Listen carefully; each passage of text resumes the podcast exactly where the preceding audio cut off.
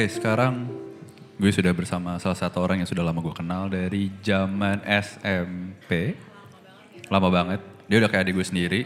Karena kebetulan sama-sama anak tunggal. Mungkin boleh diperkenalkan nama, usia, dan sekarang profesi apa? Oke. Jadi mungkin perkenalan diri dulu kali ya. Gua, gue Via. Eh, usia berapa usia nih? Usia 24 tahun. Usia 24 tahun. Terus gue bergerak di bidang kreatif. Nah, sebenarnya di sini nggak penting-penting amat latar belakang gue kerja di mana ya. Lebih ke Ibu sama Dika sama-sama anak tunggal gitu. Dan kita pengen discuss aja ya Dik ya tentang perspektif as an only child tuh gimana. Buat yang ngikutin uh, Hello ETL dari awal, gue pernah ngomongin anak tunggal sama salah satu sepupu gue namanya Bagus. Nah, sekarang gue akan ngobrolin dengan Via. Mungkin hal yang pertama yang, yang pengen gue angkat soal anak tunggal adalah gue yakin semua anak tunggal punya persepsi yang berbeda-beda soal anak tunggal. Mungkin gue mulai dari lo dulu, Vi. Kira-kira di pandangan lo dan menurut pengalaman lo sebagai anak tunggal, apa sih anak tunggal tuh? Dan apa yang membuat anak tunggal tuh terasa spesial?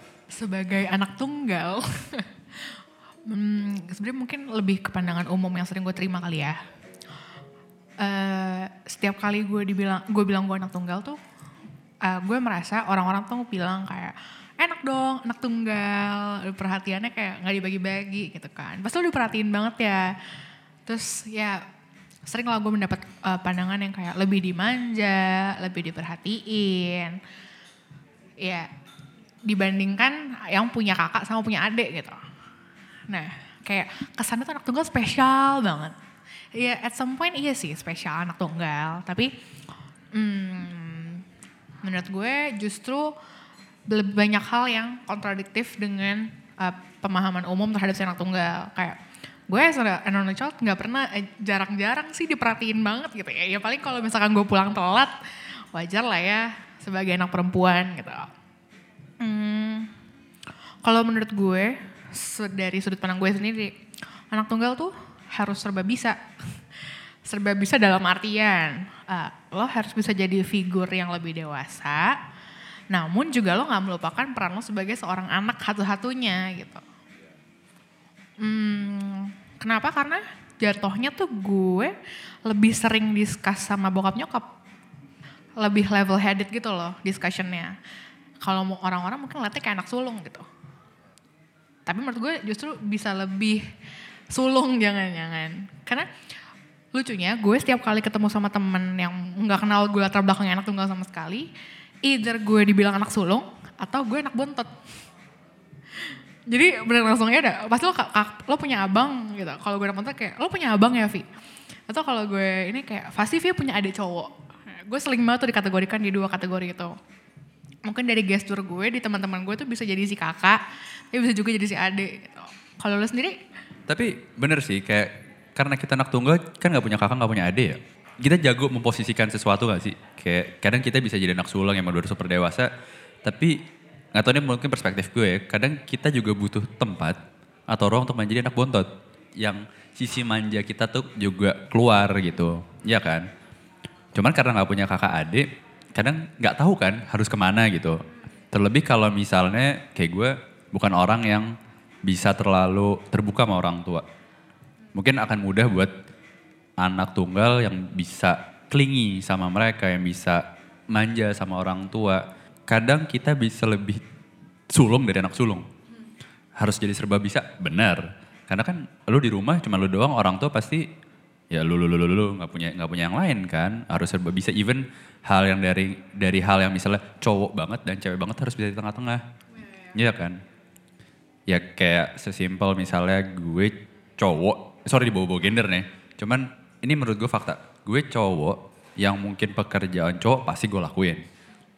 Kayak dirty work sih lah gitu. Tapi yang pekerjaan mungkin agak feminim pun yang mungkin biasa di yang biasa dilakukan oleh perempuan itu gue juga harus bisa gitu. Sebenarnya positif anak tunggal adalah ketika lu nanya ditanya nih misalnya lu bisa apa ya bisa semua Iya sih. Iya gak sih? Iya bener juga ngomong-ngomong gender kali ya. Gue juga dikatain kayak kadang gue anak bokap banget, kadang gue anak bokap walaupun uh, mungkin gue lebih cenderung deket sama siapa nih nyokap atau bokap gitu kan. Gue juga nggak bagi rata. Nah itu mungkin salah satu fakta menarik juga. Kalau kata orang kayaknya kayak anak tunggal tuh bisa adil sama bapak sama emak. Nah mungkin gue enggak juga gitu. Gue mungkin bisa aja lebih deket sama nyokap gue atau gimana. Nah tapi ya bener. Uh, ada karakter anak laki-laki yang tertanam di gue gara-gara bokap gue mau nggak mau menyalurkan hobinya dia ya ke gue sebagai anak perempuan gitu gue suka mobil gue suka nemenin bokap gue ya gue masih mau ngeladenin bokap gue ngotak-atik Vespa dia kayak gitu-gitu lah ya mungkin sama kali sama lo nah hmm, tapi itu kan dari perspektif kita ya kalau lo paling paling yang menurut lo paling relate sama lo nih dari opini orang-orang terhadap anak tunggal sendiri tuh apa sih? Kalau gue yang paling relate adalah uh, uh, lebih independen. Itu menurut gue lebih relate. Terus yang paling gak relate menurut gue adalah semuanya sudah disiapin sama orang tua. Menurut gue itu gue paling gak relate. Karena bokap nyokap gue beneran yang tipe lo anak tunggal mau anak tunggal kayak mau punya adik mau punya kakak. Ya lo usaha sendiri lah gue beneran dari kecil tuh udah ada yang kayak mama gak nyiapin apa apa buat kamu kamu usaha sendiri. Gue selalu selalu kayak gitu. Soal independen gue setuju. Itu sangat relate banget. Dan gue tidak uh, mendinai kalau orang atau teman-teman gue berpikir seperti itu cuman yang gak relate sama gue adalah Eh sorry, tadi yang lu bilang juga masalah dipersiapkan orang tua sebenarnya itu relate buat gue. Itu buat gue relate. Karena karena um, kalau dari diskusi apa yang gue dapatin ya semua itu sudah disiapkan. Cuman um, mudah buat orang beropini, oh lu kan punya rumah, misalnya punya, punya harta segini gitu. It's easy for you to ask them. Iya, itu kan gak dibagi dan itu kan masalahnya. Kayak semua kayak semua orang kan, uh, warisannya nanti kan turun ke lu semua. Tapi kan untungnya gue punya self control yang gue gak akan manja, gue gak akan minta-minta. Udahlah nanti kalau dikasih alhamdulillah tapi gue gak mau gak mau ngerepotin juga. Yang paling gak relate adalah manjanya sih buat gue. Gue bukan orang yang kelingi sama orang tua. Gue bilang, gue gak kelingi sama orang tua gue, gue gak manja. Gue gue sadar gue harus survive sendiri. Meskipun pada akhirnya nanti orang tua itu akan membantu gue, meskipun gue gak akan minta, pasti mau gak mau lah mereka akan turun tangan lah untuk bantuin tapi gue sebisa mungkin nggak bergantung sama mereka. Jadi salah kalau orang bilang lu enak lu, lu pasti bisa apa orang tua lu uh, lu bisa manja ke orang tua lu lu bisa apa pun minta gitu nggak juga sih. Yang menurut gue menarik juga pandangan orang adalah anak tunggal tuh gampang kesepian. Kayak ditinggal-tinggal gitu. Nah tapi lucunya nggak mungkin ya menurut gue sih lucu ya karena gue dari kecil tuh ditinggal bokap nyokap gue tuh kantor dua-duanya dari kecil gue bahkan SD deh kayak terakhir gue tuh punya asisten rumah tangga. Misalnya ada ada teman di rumah tuh gue terakhir SD. Dari SMP sampai gue sekarang tuh gue beneran kalau bokap nyokap gue kayak lagi pergi ya gue sendirian aja. Dan gue justru enjoy tuh sama nggak ada orang nggak ada yang gangguin gue tuh gue justru enjoy. Bisa dibilang gue hmm, dari situ kali ya bakat jadi introvert mungkin dari situ. Hmm, terus uh, jadi gue tuh nggak pernah hmm, apa ya nggak pernah ngerasa susah kalau misalnya gue harus melakukan apa apa sendiri atau gue pergi kayak nonton belanja jalan-jalan sendirian tuh gue nggak pernah terganggu. Itu menurut gue salah satu perks dan tunggal karena gue terbiasa sendirian. Sorry, itu gue ya, itu gue banget dari zaman SD apa apa sendiri sama kayak lu kayak bokap nyokap gue ngantor dari SD sampai SMP udah terbiasa sendiri main sendiri jalan sendiri. Uh, bahkan ya kalau mungkin ada yang bilang pasti anak tunggal punya teman hayalannya. Tapi benar jadi introvert gitu. Kayak tap nah nah saking terbiasa sendiri gue nggak tahu apa kalau merasakan ini ya. Tapi dulu waktu gue SMA nyokap memutuskan pensiun dan sering di rumah justru konflik konflik itu muncul. Ada kerasa ketidaknyaman kayak ada satu ruang kesendirian gue yang terenggut biasanya kan makanya kenapa dulu waktu gue SMA gue lebih suka pulangnya agak lebih lama dibanding gue harus buru-buru pulang ya karena gue ada nyokap gitu. Sementara dari dulu tuh gue ini gue nggak tahu sih kayak dari dulu gue tidak dibiasakan untuk build some two-way interaction sama orang tua. That's why itu juga yang membuat gue lebih nyaman sendiri juga, introvertnya juga di situ gitu. Nggak tahu mungkin lu juga punya hal yang sama atau hal opini yang berbeda. menanggapi itu sendiri, gue sama, eh, at some point sama. Gue nyokap gue akhirnya pensiun, terus bokap gue juga kerja selalu dari rumah sekarang, beberapa tahun ini kerja dari rumah. Gue beneran terdistract tuh yang tadinya rumah rasanya dari pagi sampai sore itu punya gue, begitu malam baru tuh bokap nyokap gue pulang gitu kan. Mulailah gue, nyokap gue tuh ngeliat gue kayak, ini anak kok di rumah, di kamar mulu sih gitu kan. Padahal ya inilah hari-hari gue selama dia nggak ada gue hari ini kan di kamar. Jadi sering digangguin lah kayak Via hari ini mau nemenin mama ke pasar nggak? Via ini dong kolongnya kayak gini-gini. Ya itu gue terus sih. Ada masa-masa di mana gue eh, shifting point of view gue tapi dari yang terusik sampai yang gue nggak bisa selamanya terusik nih karena ya sampai nantinya entah kapan belum ditentukan waktunya ya gue akan hidup bertiga di rumah terus untuk seharian penuh. Apalagi kayak sekarang corona gini kan lebih sering lagi intensitasnya. Nah dari yang dulu mungkin nanggepin kondisi kayak gitu gue tuh agak-agak lebih snappy gitu lah anaknya digangguin dikit marah nadanya tinggi. Terutama gue kebetulan keluarga gue bokap nyokap Sumatera nggak ada tuh kata-kata halus di rumah jadi kayak nada intonasi tuh pasti tinggi pasti pakai urat lah jatuhnya nah dari situ rumah tuh jadinya malah bikin gue stres gitu. Membuat gue malah jadi lari ke temen. Lari ke temen, uh, jadinya kok nyokap gue ngeliat nih, anak ini di luar kelihatannya happy dan sangat ramah, tapi kenapa di rumah galak banget gitu ya, pendi, udahlah pendiam kalau disapa jutek gitu. Itu masa-masa gue SMA kali ya, udah stres sekolah, terus digangguin juga. Nah, terus sekarang udah gede, udah lulus kuliah, udah kerja. Gue nggak bisa tuh selamanya kayak gitu. Kalau misalkan gue ada keinginan atau apa, kan bokap nyokap pasti pengen intervensi terus ya rasanya. Intervensi bokap nyokap terhadap anak satu-satunya ini bentuk kasih sayang sih, gue paham. Ya kan, mereka tuh peduli. Mereka tuh ingin anak-anaknya dapet yang terbaik. Tapi ada poin di mana gue ngerasa kayak, eh tapi gue harus adil nih. Gue mesti nurutin maunya mimpi-mimpinya mereka juga, tapi I have my own way gitu. Apalagi gue tergolong anak keras kepala sekali gitu. Malah jadinya tuh konflik banyak banget deh. Berantem mulu bawaannya. Mau gue apa, mau bokap nyokap apa, diselesainnya tuh gak bisa pakai kepala dingin. Gue gak punya tuh temen untuk curhat. Aduh nyokap tuh gak suka nih sama ini. Kayak gue tuh gak ada orang yang mengalami kondisi yang sama persis sama gue di rumah. Kayak gue gak punya adik yang bisa gue gituin gue gak punya kakak yang bisa gue tanyain. Jejak sebelum gue gak ada. Nah itu tuh konflik tidak enaknya gue sebagai anak tunggal tuh gue kadang-kadang ngerasa yang kayak kenapa sih harus gue langsung yang merasakan ini semua? Kenapa gue gak bisa nanya sama abang atau kakak? Kenapa gak ada adik yang bisa mewujudkan mimpi mereka nantinya? Itu tuh sering banget muncul di kepala gue kalau lo, lo gitu juga?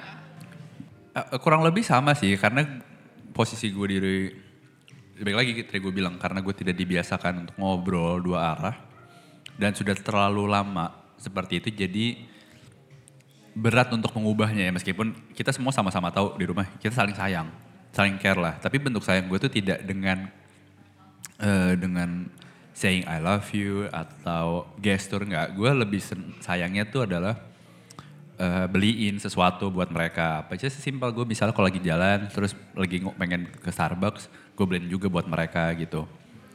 Kayak sesimpel itu sebenarnya. Tapi gue tahu kayak atau misalnya gue pengen juga uh, hanging around sama mereka cukup lama, cuman nggak nggak perlu untuk ngobrol karena banyak sekali hal yang gue juga nggak pernah ceritain.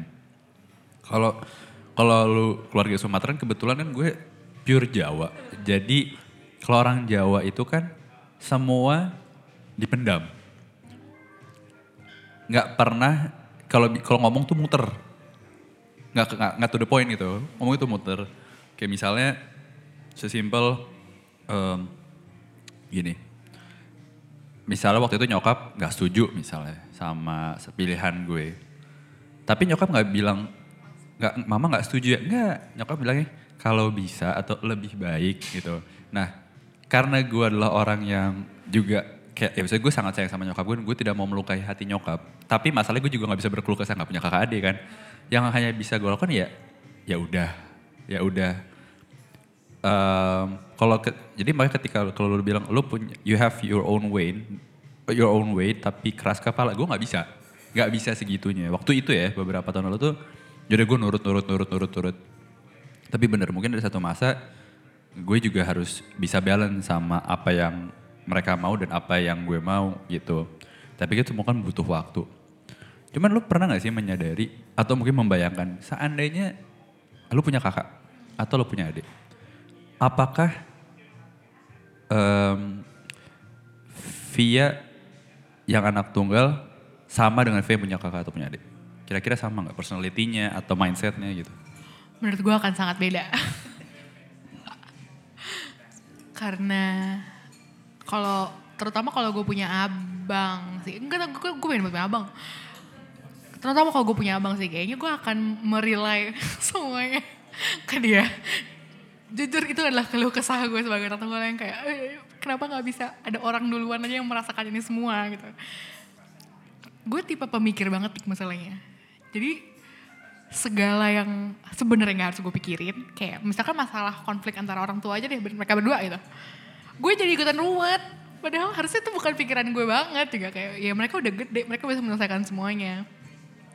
Mungkin gue akan lebih carefree kalau misalkan gue itu punya abang atau punya kakak cewek. Eh, ya mungkin. Gue mungkin akan lebih carefree di rumah. Gue mungkin akan bisa lebih yang open ke nyokap bokap. Gue mungkin bisa lebih manis kali ya gitu. Tapi ini mungkin karena gue udah rasanya eh, harus bisa jadi penengah yang baik gue tuh dari dulu dibilang banyak yang bilang gue dewasa sebelum waktunya. Terutama kayak kebetulan di rumah gue itu sering banget konflik. Ya mungkin salah satunya karena gue sama-sama Sumatera gitu. Kayak keras ketemu keras. Jadi bawaannya berantem mulu. Mungkin padahal ada jalan tengah di sana gitu loh yang nggak perlu diuratin. Nah gue tuh dari kecil terbiasa untuk jadi jembatannya komunikasi antara bokap sama nyokap. Kalau gue punya abang atau kakak perempuan pasti gue melimpahkan itu ke dia. Saya kayak ada dia gitu. Tapi gue gak tahu juga ya kenyataannya gimana. Tapi karena gak ada jadi gue terbiasa tuh untuk yang kayak oke kalau dua orang ini nggak bisa mencerna komunikasi mereka dengan baik gue harus bisa mentranslate pemikiran si A nyokap misalkan. Gue mentranslate pemikiran nyokap niat baiknya apa. Terus gue sampaikan dengan cara yang paling bisa diterima sama bokap. And vice versa. Dulu mungkin gue nggak ngerti tuh kalau itu tuh perlu gitu. Itu tuh uh, peran lo sebagai anak. Nah tapi makin ke sini uh, itu dia. Jadinya gue dewasa sebelum waktunya terus justru uh, gue itu sering banget dicurhatin sama teman-teman gue nah teman-teman gue ini adalah yang anak tung anak sulung anak bontot ada gitu kan and surprisingly mereka justru yang kayak amazed gitu loh dengan tindakan yang gue ambil. Maksud gue kayak, oh lo tuh bisa ya mencari jalan tengah. Lo memikirkan itu ya, membantu lo hubungan bokap nyokap lo dengan dengan komunikasi yang baik gitu. Terus kayak, kok lo dewa, kok lo wise banget. Padahal menurut gue kayak, oh itu suatu tindakan yang wise ya. Bukankah seharusnya seperti itu.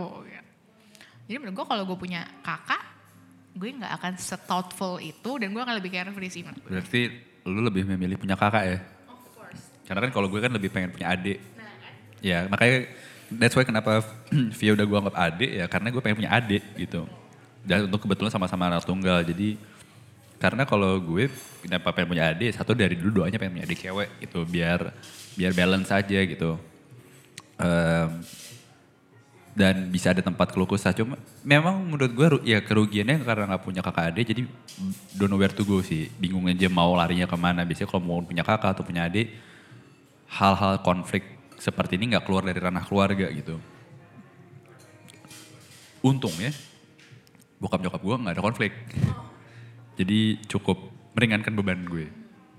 Ya tapi jeleknya ada beberapa hal yang mungkin seharusnya gue bisa tahan di internal gue harus jadi karena nggak punya teman cerita ya jadi harus mau nggak mau em, merembet ke mana-mana Dan mungkin kalau gue menjawab pertanyaan gue sendiri, gue juga mungkin jadi orang yang beda sih. Kalau jadi pun- punya kakak atau punya adik, entah bisa lebih manja atau bisa lebih dewasa nggak tahu, cuman tidak akan menjadi seperti gue yang sekarang. Tapi mungkin juga akan lebih komunikatif sama eh, orang tua gitu. Tapi gue tidak menyalahkan siapa-siapa sih, karena memang kondisi seperti itu dan gue rasa di usia kita sekarang emang kita sebagai anak tugasnya untuk bisa memahami posisi mereka saat itu ya. Saat mereka sedang sibuk-sibuknya. Dan kenapa mungkin kita nggak punya quality time eh, untuk ngobrol sama mereka sih kalau gue pikir ya. Tapi lu berpikir gak sih kayak, ini gak tau ini mungkin opini gue, kayak gue lebih bersyukur, gue juga satu sisi gue juga mikir kayak gue bersyukur jadi anak tunggal selain karena mindset, gue jadi bisa mingle sama sepupu-sepupu. Satu hal yang bisa merekatkan sepupu-sepupu gue tuh karena kehadiran gue sebagai anak tunggal. Karena gue melihat yang punya kakak atau yang punya adik biasanya cuma fokusnya di ya kakak adiknya aja berdua nggak pernah dia mau main sama sepupu A, sepupu B, sepupu C, sepupu D cenderung gitu. Lu punya pemikiran gitu gak? Gue kebetulan, oh gue satu-satunya di keluarga besar gue kiri kanan nih, gue doang yang tunggal. Dan gue sih pribadi nggak pernah se deket itu ya sama sepupu. Karena gue, gue kenal lo cukup lama ya dik ya. Jadi gue paham bener nih kalau lo bilang kayak gue lo deket sama sepupu. Iya gue, gue menyaksikan itu sendiri. Kalau gue nggak kayak gitu. Kayak justru gue lebih tertutup lagi sama sepupu-sepupu gue. Gue nggak pernah share tentang diri gue dan ya keluarga gue, teman-teman gue, apa yang sedang terjadi sama hidup gue tuh gue nggak pernah share sama sepupu-sepupu gue. Tapi bukan suatu hal yang kayak karena gue nggak mau, nggak juga. Tapi gue memilih untuk nggak aja sih. Tapi mungkin itu karena culture keluarga gue juga kali ya. Mm-mm. Berjarak gitu. Emang ya kayak internal family aja. Keluarga kecil keluarga kecil aja gitu. Jadi gue nggak nggak bisa relate kayak anak tunggal lebih dekat sama sepupu sepupunya. Cuman jadinya em, gue kayak punya ya mungkin kayak lebih punya banyak kakak aja jadinya. Jadi maksud gue kayak setiap kali gue ke keluarga besar ya itu semua kakak gue ini semua adik gue gitu. Nggak pernah specifically gue yang kayak cuman approach satu sepupu gue doang atau apa tapi mereka kayak sama rata sama rasa aja gitu di mata gue gitu. Terus eh, dan mereka nggak mm, nggak ngelihat gue sebagai eh, sepupu yang aneh juga karena sendiri juga. Tapi mereka mungkin kadang agak penasaran kali ya di rumah tuh gue kayak gimana sendirian karena mereka semua tuh punya adik punya kakak gitu. Em, dulu oh tapi dulu gue jadinya pas acara keluarga besar gue lebih susah untuk main. Waktu gue kecil ya gue jauh gue lebih susah approach sepupu-sepupu gue. Karena gue ngelihatnya mereka tuh udah udah punya udah punya temen gitu kayak dia udah punya adiknya dia udah punya kakaknya. Gue kalau masuk ke sana apakah gue mengganggu bu keluarga mereka? Apakah enggak? Ya walaupun pas makin gede kayak ya enggak lah gitu kan. Tapi keluarga juga gitu. Tapi dulu gue takut. Nah mungkin karena sifat tertutup gue itu eh, sampai SD tuh gue juga masih tertutup ke teman-teman juga. Sifat anak tunggal gue yang sangat kencang pas gue kecil tuh itu gue tertutup banget tapi gue kayak asik dalam dunia gue sendiri aja gue gak asik kecil sama sepupu-sepupu gue Menarik ya, gue kira gue, gue kira sebagai anak tunggal otomatis lu bisa dekat sama sepupu-sepupu. Enggak ya? Berapa gue doang ya kali? Gue nggak tahu. Ya mungkin ya, mungkin mungkin beda-beda kali ya. Apalagi kan terlebih kalau apa ada sepupu gue yang sakit kan. Yang mental health problem itu juga salah satu benefit gue sebagai anak tunggal adalah ya karena gue udah menganggap semua juga kayak kakak atau adik gue, ya gue juga kira seperti 100% gue juga memberikan perhatian seperti ya dia kayak eh, adik kandung gue sendiri gitu ketika sakitnya gimana atensi gue seperti itu gitu. Nah kita kan sebagai anak tunggal nih dan kita nggak punya kakak atau adik. Lo punya nggak sih salah satu penilaian mereka sebagai kakak, mereka teman-teman lo nih yang sebagai kakak atau sebagai adik kayak apakah apa yang bisa lo pelajarin dari mereka sih menurut lo? Ya sesuatu hal yang, yang ya gue tidak merasakan itu tapi gue bisa gue bisa ambil nih pelajaran untuk kehidupan gitu. Kalau gue, yang gue perhatiin dari teman gue yang kakak deh, dari kakak dulu nih ya. Si kakak itu punya tendensi untuk mm, menahan semuanya sendirian. Jadi kayak mau itu masalah, worries, itu semuanya dia pendam sendirian. Dia nggak mau adik-adiknya ikut merasakan kekhawatiran itu gitu. Adik-adiknya nggak perlu lah merasakan kekhawatiran itu. Yang mana hmm, gua, dari sudut pandang gue orang ketiga nih yang serba tahu so tahu alias gitu kan. Menurut gue sebenarnya dia bisa loh meringankan beban di pikiran dan hatinya dia atas konflik yang dia punya dia share sama adik-adiknya. Ini terutama kalau misalkan case-nya di dalam keluarga inti sendiri ya masalahnya beban-beban tanggung jawab misalkan kayak jadi kakak harus sukses harus jadi contoh buat adik-adiknya gitu kalau misalkan dia bisa terbuka dan share sama adiknya secara fair dia bisa denger sudut pandang adiknya yang jangan-jangan adiknya ngerasa kayak kasihan ya kakak gue ternyata ada nggak ya yang bisa gue bantu buat kakak gue? Adik menurut gue adik tuh nggak pengen nebeng doang. Kayak dia pasti pengen bantuin kakaknya karena menurut menurut gue adik itu ngelihat kakak keren. Ya gak sih? Kayak kakak tuh kakak tuh bisa semuanya gitu. Sebelum gue bisa kakak gue udah bisa duluan gitu. Ini terjadi, ini terjadi sama gue yang kan gue punya adik sepupu di Bandung. Dari adiknya nyokap, mereka laki-laki. Mereka tuh selalu eh, refer ke gue sebagai abang. Abang apa kakak sulung. Kayak apa-apa gue, apa-apa gue dan jujur buat gue beban. Buat gue jadi beban untuk bisa menjadi role model. Apalagi ketika dia masih sekolah ya. Sementara gue sudah kuliah dan sudah kerja dan waktu itu mungkin untuk memahami realita bahwa hey gue bukan abang yang baik buat lo gitu. Gue banyak sekali melakukan kesalahan itu tuh gue baru bisa mengata, mengatakannya tuh sekarang kayak ya gue bilang gue say, say thanks gitu kalau mereka gue role model apa apa mau kayak gue S2-nya mau kayak gue di Eropa gitu misalnya. Tapi ketika gue kasih gue beberkan apa yang telah gue lakukan, perjalanan apa, konflik-konflik apa, ya mereka untungnya cukup mengerti.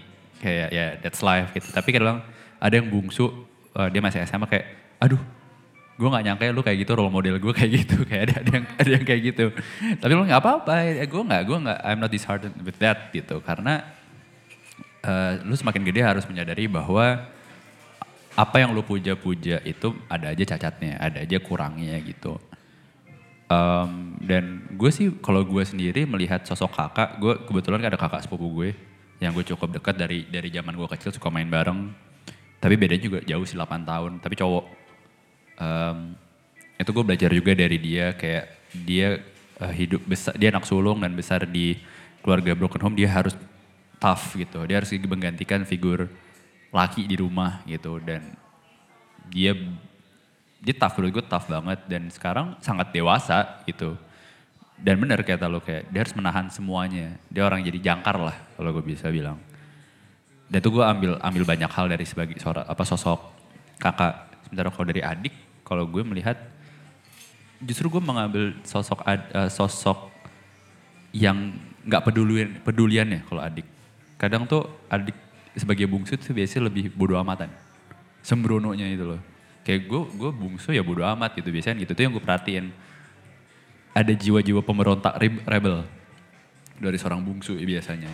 Karena mungkin dia paling disayang paling dimanja paling diperhatiin. Itu sih yang kalau gue ambil sih sedikit soal apa yang gue bisa petik dari kakak atau adik.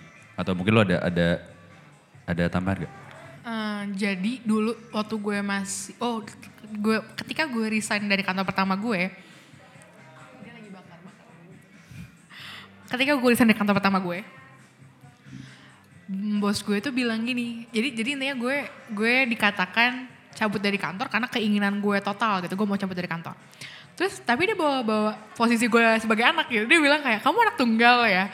Terus gue bingung dong gue kayak hah? Iya. Eh, kenapa kak? Dia kayak iya jiwa kompetisi titik. Kamu kurang kompetitif ya gitu. Kamu kurang kompetitif karena kamu nggak punya saingan di rumah gitu. Jadi kamu lebih gampang menyerah jatuhnya gitu. Oh, gue tahu itu sangat stereotopik stereotopikal ya. Stereot ya sangat stereotip. Kenapa dia menyamaratakan anak tunggal gitu. Waktu itu gue kayak sempat marah gitu kayak kenapa emang ya apa hubungannya? Gitu kan. Tapi Terus gue sempet refer lagi nih. Eh, iya juga ya, gue nggak nggak ada yang gue balap sebenarnya di rumah. Gue nggak ada panutan kakak gue. Gue harus lebih bagus dari kakak gue. Atau gue harus jadi contoh yang baik buat adik gue nggak ada tuh gue saingan kayak gitu kan hanya gue dan diri gue sendiri kan terus hmm, oh tapi lucunya gue merasa tanggungan gue itu gue harus ngebalap semua sepupu di atas gue contohnya kayak waktu gue kuliah dik semua sepupu di atas gue negeri semua jadi ada momen gue SMA yang kayak gue bisa nggak ya tembus negeri semua sepupu semua kakak gue masuk negeri gitu jadi kesayangan gue Iya benar, itu juga gue sama. Tapi kalau gue jiwa kompetitif gue ada. Jiwa kompetitif gue tuh, ini lebih ke self motivation sih. Kayak gue sadar, bahkan gue bilang gue sadar bahwa gue sebagai anak tunggal, gue gak bisa bergantung sama siapa-siapa. Kan gue kayak harus prepare for the worst scenario kan. Kalau bapak ibu gue gak ada, gitu kan. Gue gak bisa mengalahkan harta mereka, jadi gue harus bisa berdikari istilahnya. Um, makanya gue mencari self motivation gue, apa yang bisa gue jadikan self motivation untuk gue bisa keluar jiwa kompetitif gue. Lalu gue ingat-ingat ke belakang, gue dulu waktu SMP pernah dibully, itu gue jadi salah satu self motivation gue kalau gue harus bisa lebih baik dari mereka. Beruntung gue waktu itu masuk SMA unggulan dan SMA yang gue mau. Ketika SMA gue sama, gue sempat struggle, gue kan gue gue kayak itu self motivation gue, oke gue bisa ke PTN apa eh, gue mau ke kampus yang orang tua gue inginkan juga dan gue juga mau karena ada maksud meringankan beban orang tua juga biaya ya dalam segi biaya. Masuklah gue ke UI habis dari UI lulus what's next kan pasti. Oke gue kerja. Dah kerja sesuai di perusahaan asing. Nah habis itu memang berikutnya S2 nah di keluarganya bokap dan keluarga nyokap belum ada yang S2 keluar negeri jadi I'm the first dan itu kayak di keluarga besarnya bokap itu hal yang monumental. Sangat-sangat monumental gitu. Tapi ya udah selesai apalagi kan. Kan mikir, gue gue, juga sampai sekarang kayak oh ya sepupu-sepupu gue tuh yang di atas gue yang udah bedanya 10-12 tahun tuh karirnya juga cemerlang. Gue harus bisa seperti itu. Dan mungkin itu juga yang apa istilahnya kalau bahasa Inggris tuh drive gitu loh. Jiwa drive drive gue itu untuk do the best gitu. Bukan bukan gue sebagai anak tunggal yang laid back aja ya bergelimang dengan apa yang gue punya sekarang ya nggak bisa. Untungnya itu mungkin salah satu keunggulan juga sebagai anak tunggal sih dengan mindset seperti itu ya gue nggak tahu juga kalau anak tunggal yang lain punya mindset seperti apa gitu. Tapi rata-rata anak tunggal yang gue temuin baik dari lu ada sepupu yang bagus itu sepupu gue sama teman-teman gue yang lain dia punya jiwa sense of competitiveness sih. Untuk untuk untuk bisa berkarir sendiri sih. Ya itu baik lagi gimana baik apa gimana mereka melihat apa yang orang tua punya itu sebagai apa? Apakah zona nyamannya atau malah kayak justru itu harus jadi motivasi untuk bisa lebih baik ya gue nggak tahu sih. Mungkin lo eh, ini sebagai penutup seperti biasa mungkin lo punya ini nggak kayak eh, pesan buat mereka yang anak tunggal yang mungkin kayak istilahnya kayak eh, talk to your 10 years old atau 11 years old buat mereka-mereka yang masih sekolah gitu yang anak tunggal dan mungkin masih mencari jati dirinya nih. Kayak masih mencari kenapa sih gue dilahirkan anak tunggal? Biasanya kan lu juga pernah bertanya seperti itu kan dulu gitu. Kalau dari gue untuk uh, Via yang kecil atau bisa dikatakan inner child gue juga ataunya being an only child is a blessing sih menurut gue. You got to learn more, terus in a wider perspective gitu. Menjadi anak tunggal tuh mengajarkan lo untuk memahami lebih banyak, and it's a blessing gitu. Dan nggak ada nggak ada restraint dari mana-mana untuk lo menjadi the best version of yourself gitu. Eh, dan jangan terpengaruh sama kategori yang udah dikotak-kotakan sama orang gitu. Maksud gue kayak yang katanya anak tunggal manja udah disediain ini itu penyendiri. Padahal nggak juga ya yang membuat lo jadi lo adalah lo pada akhirnya gitu kan. Kayak anak tunggal versi Via anak tunggal versi Dika anak tunggal versi siapa ya bisa aja beda-beda gitu loh bukan kotaknya. Dan em, menurut gue anak tunggal tuh keren. Jadi eh, nggak dulu dulu buat si Via yang pemalu itu tuh yang susah ngomong sama orang dan penakut banget kayak nggak perlu sebenarnya kayak lo tuh sama aja sama orang-orang lain nggak ada bedanya Justru lo jangan-jangan lebih keren ya. Anaknya percaya diri sekarang. Ya gue jadi anak tunggal tuh keren. Anak tunggal keren, iya gue setuju. Karena kalau gue bisa ngomong sama gue 10 atau 15 tahun yang lalu, gue kan mengatakan it's good to be the only kid in the family. Bukan karena manjanya, tapi gimana lu belajar seiring dengan waktu, proses dalam kehidupan, learning curve-nya sih yang gue yang gue dapatkan. Dan yang kadang ada masa-masa pertanyaan yang gue bilang kenapa jadi anak tunggal itu itu wajar pertanyaan untuk keluar. Cuman gimana menyikapinya itu yang paling penting. Dan sebenarnya menurut gue anak tunggal tuh bisa merangkul semua yang terdekat. Itu positifnya. Jadi buat gue ketika masih SD nggak perlu takut, nggak perlu sedih menjadi anak tunggal. Justru itu menjadi positif, lo bisa merangkul semuanya, bisa jadi kakak adik lo. Dan bisa berdiri sendiri lagi. Jadi justru lo juga, lo bisa menjadi apa ya bisa eh gue bilang jadi apa ya istilah jadi pilar buat orang-orang yang membutuhkan bantuan atau membutuhkan sandaran lu bisa jadi pilar gitu terus apa lagi ya kalau saran dari gue mungkin buat mereka yang masih struggle ketika umur-umur SMA kuliah nggak apa-apa kalau lo masih mempertanyakan semuanya mempertanya mempertanyakan kondisinya why why why sooner or later lo akan mengerti dan seiring seiring berjalannya waktu dan pendewasaan, gue berharap lo akan bisa menerima semua keadaan sih. Dan justru lo itulah kesempatan lo untuk bisa dekat dengan orang tua dengan cara apa pun ya senyaman lo aja itu. Oke kalau gitu terima kasih Via sudah mau bercerita di sini soal menjadi anak tunggal dan semoga kalian yang mendengarkan especially anak tunggal juga bisa mendapatkan insights lah dari kami berdua. Sekali lagi terima kasih sudah mendengarkan episode ini. Selamat beristirahat dan selamat malam.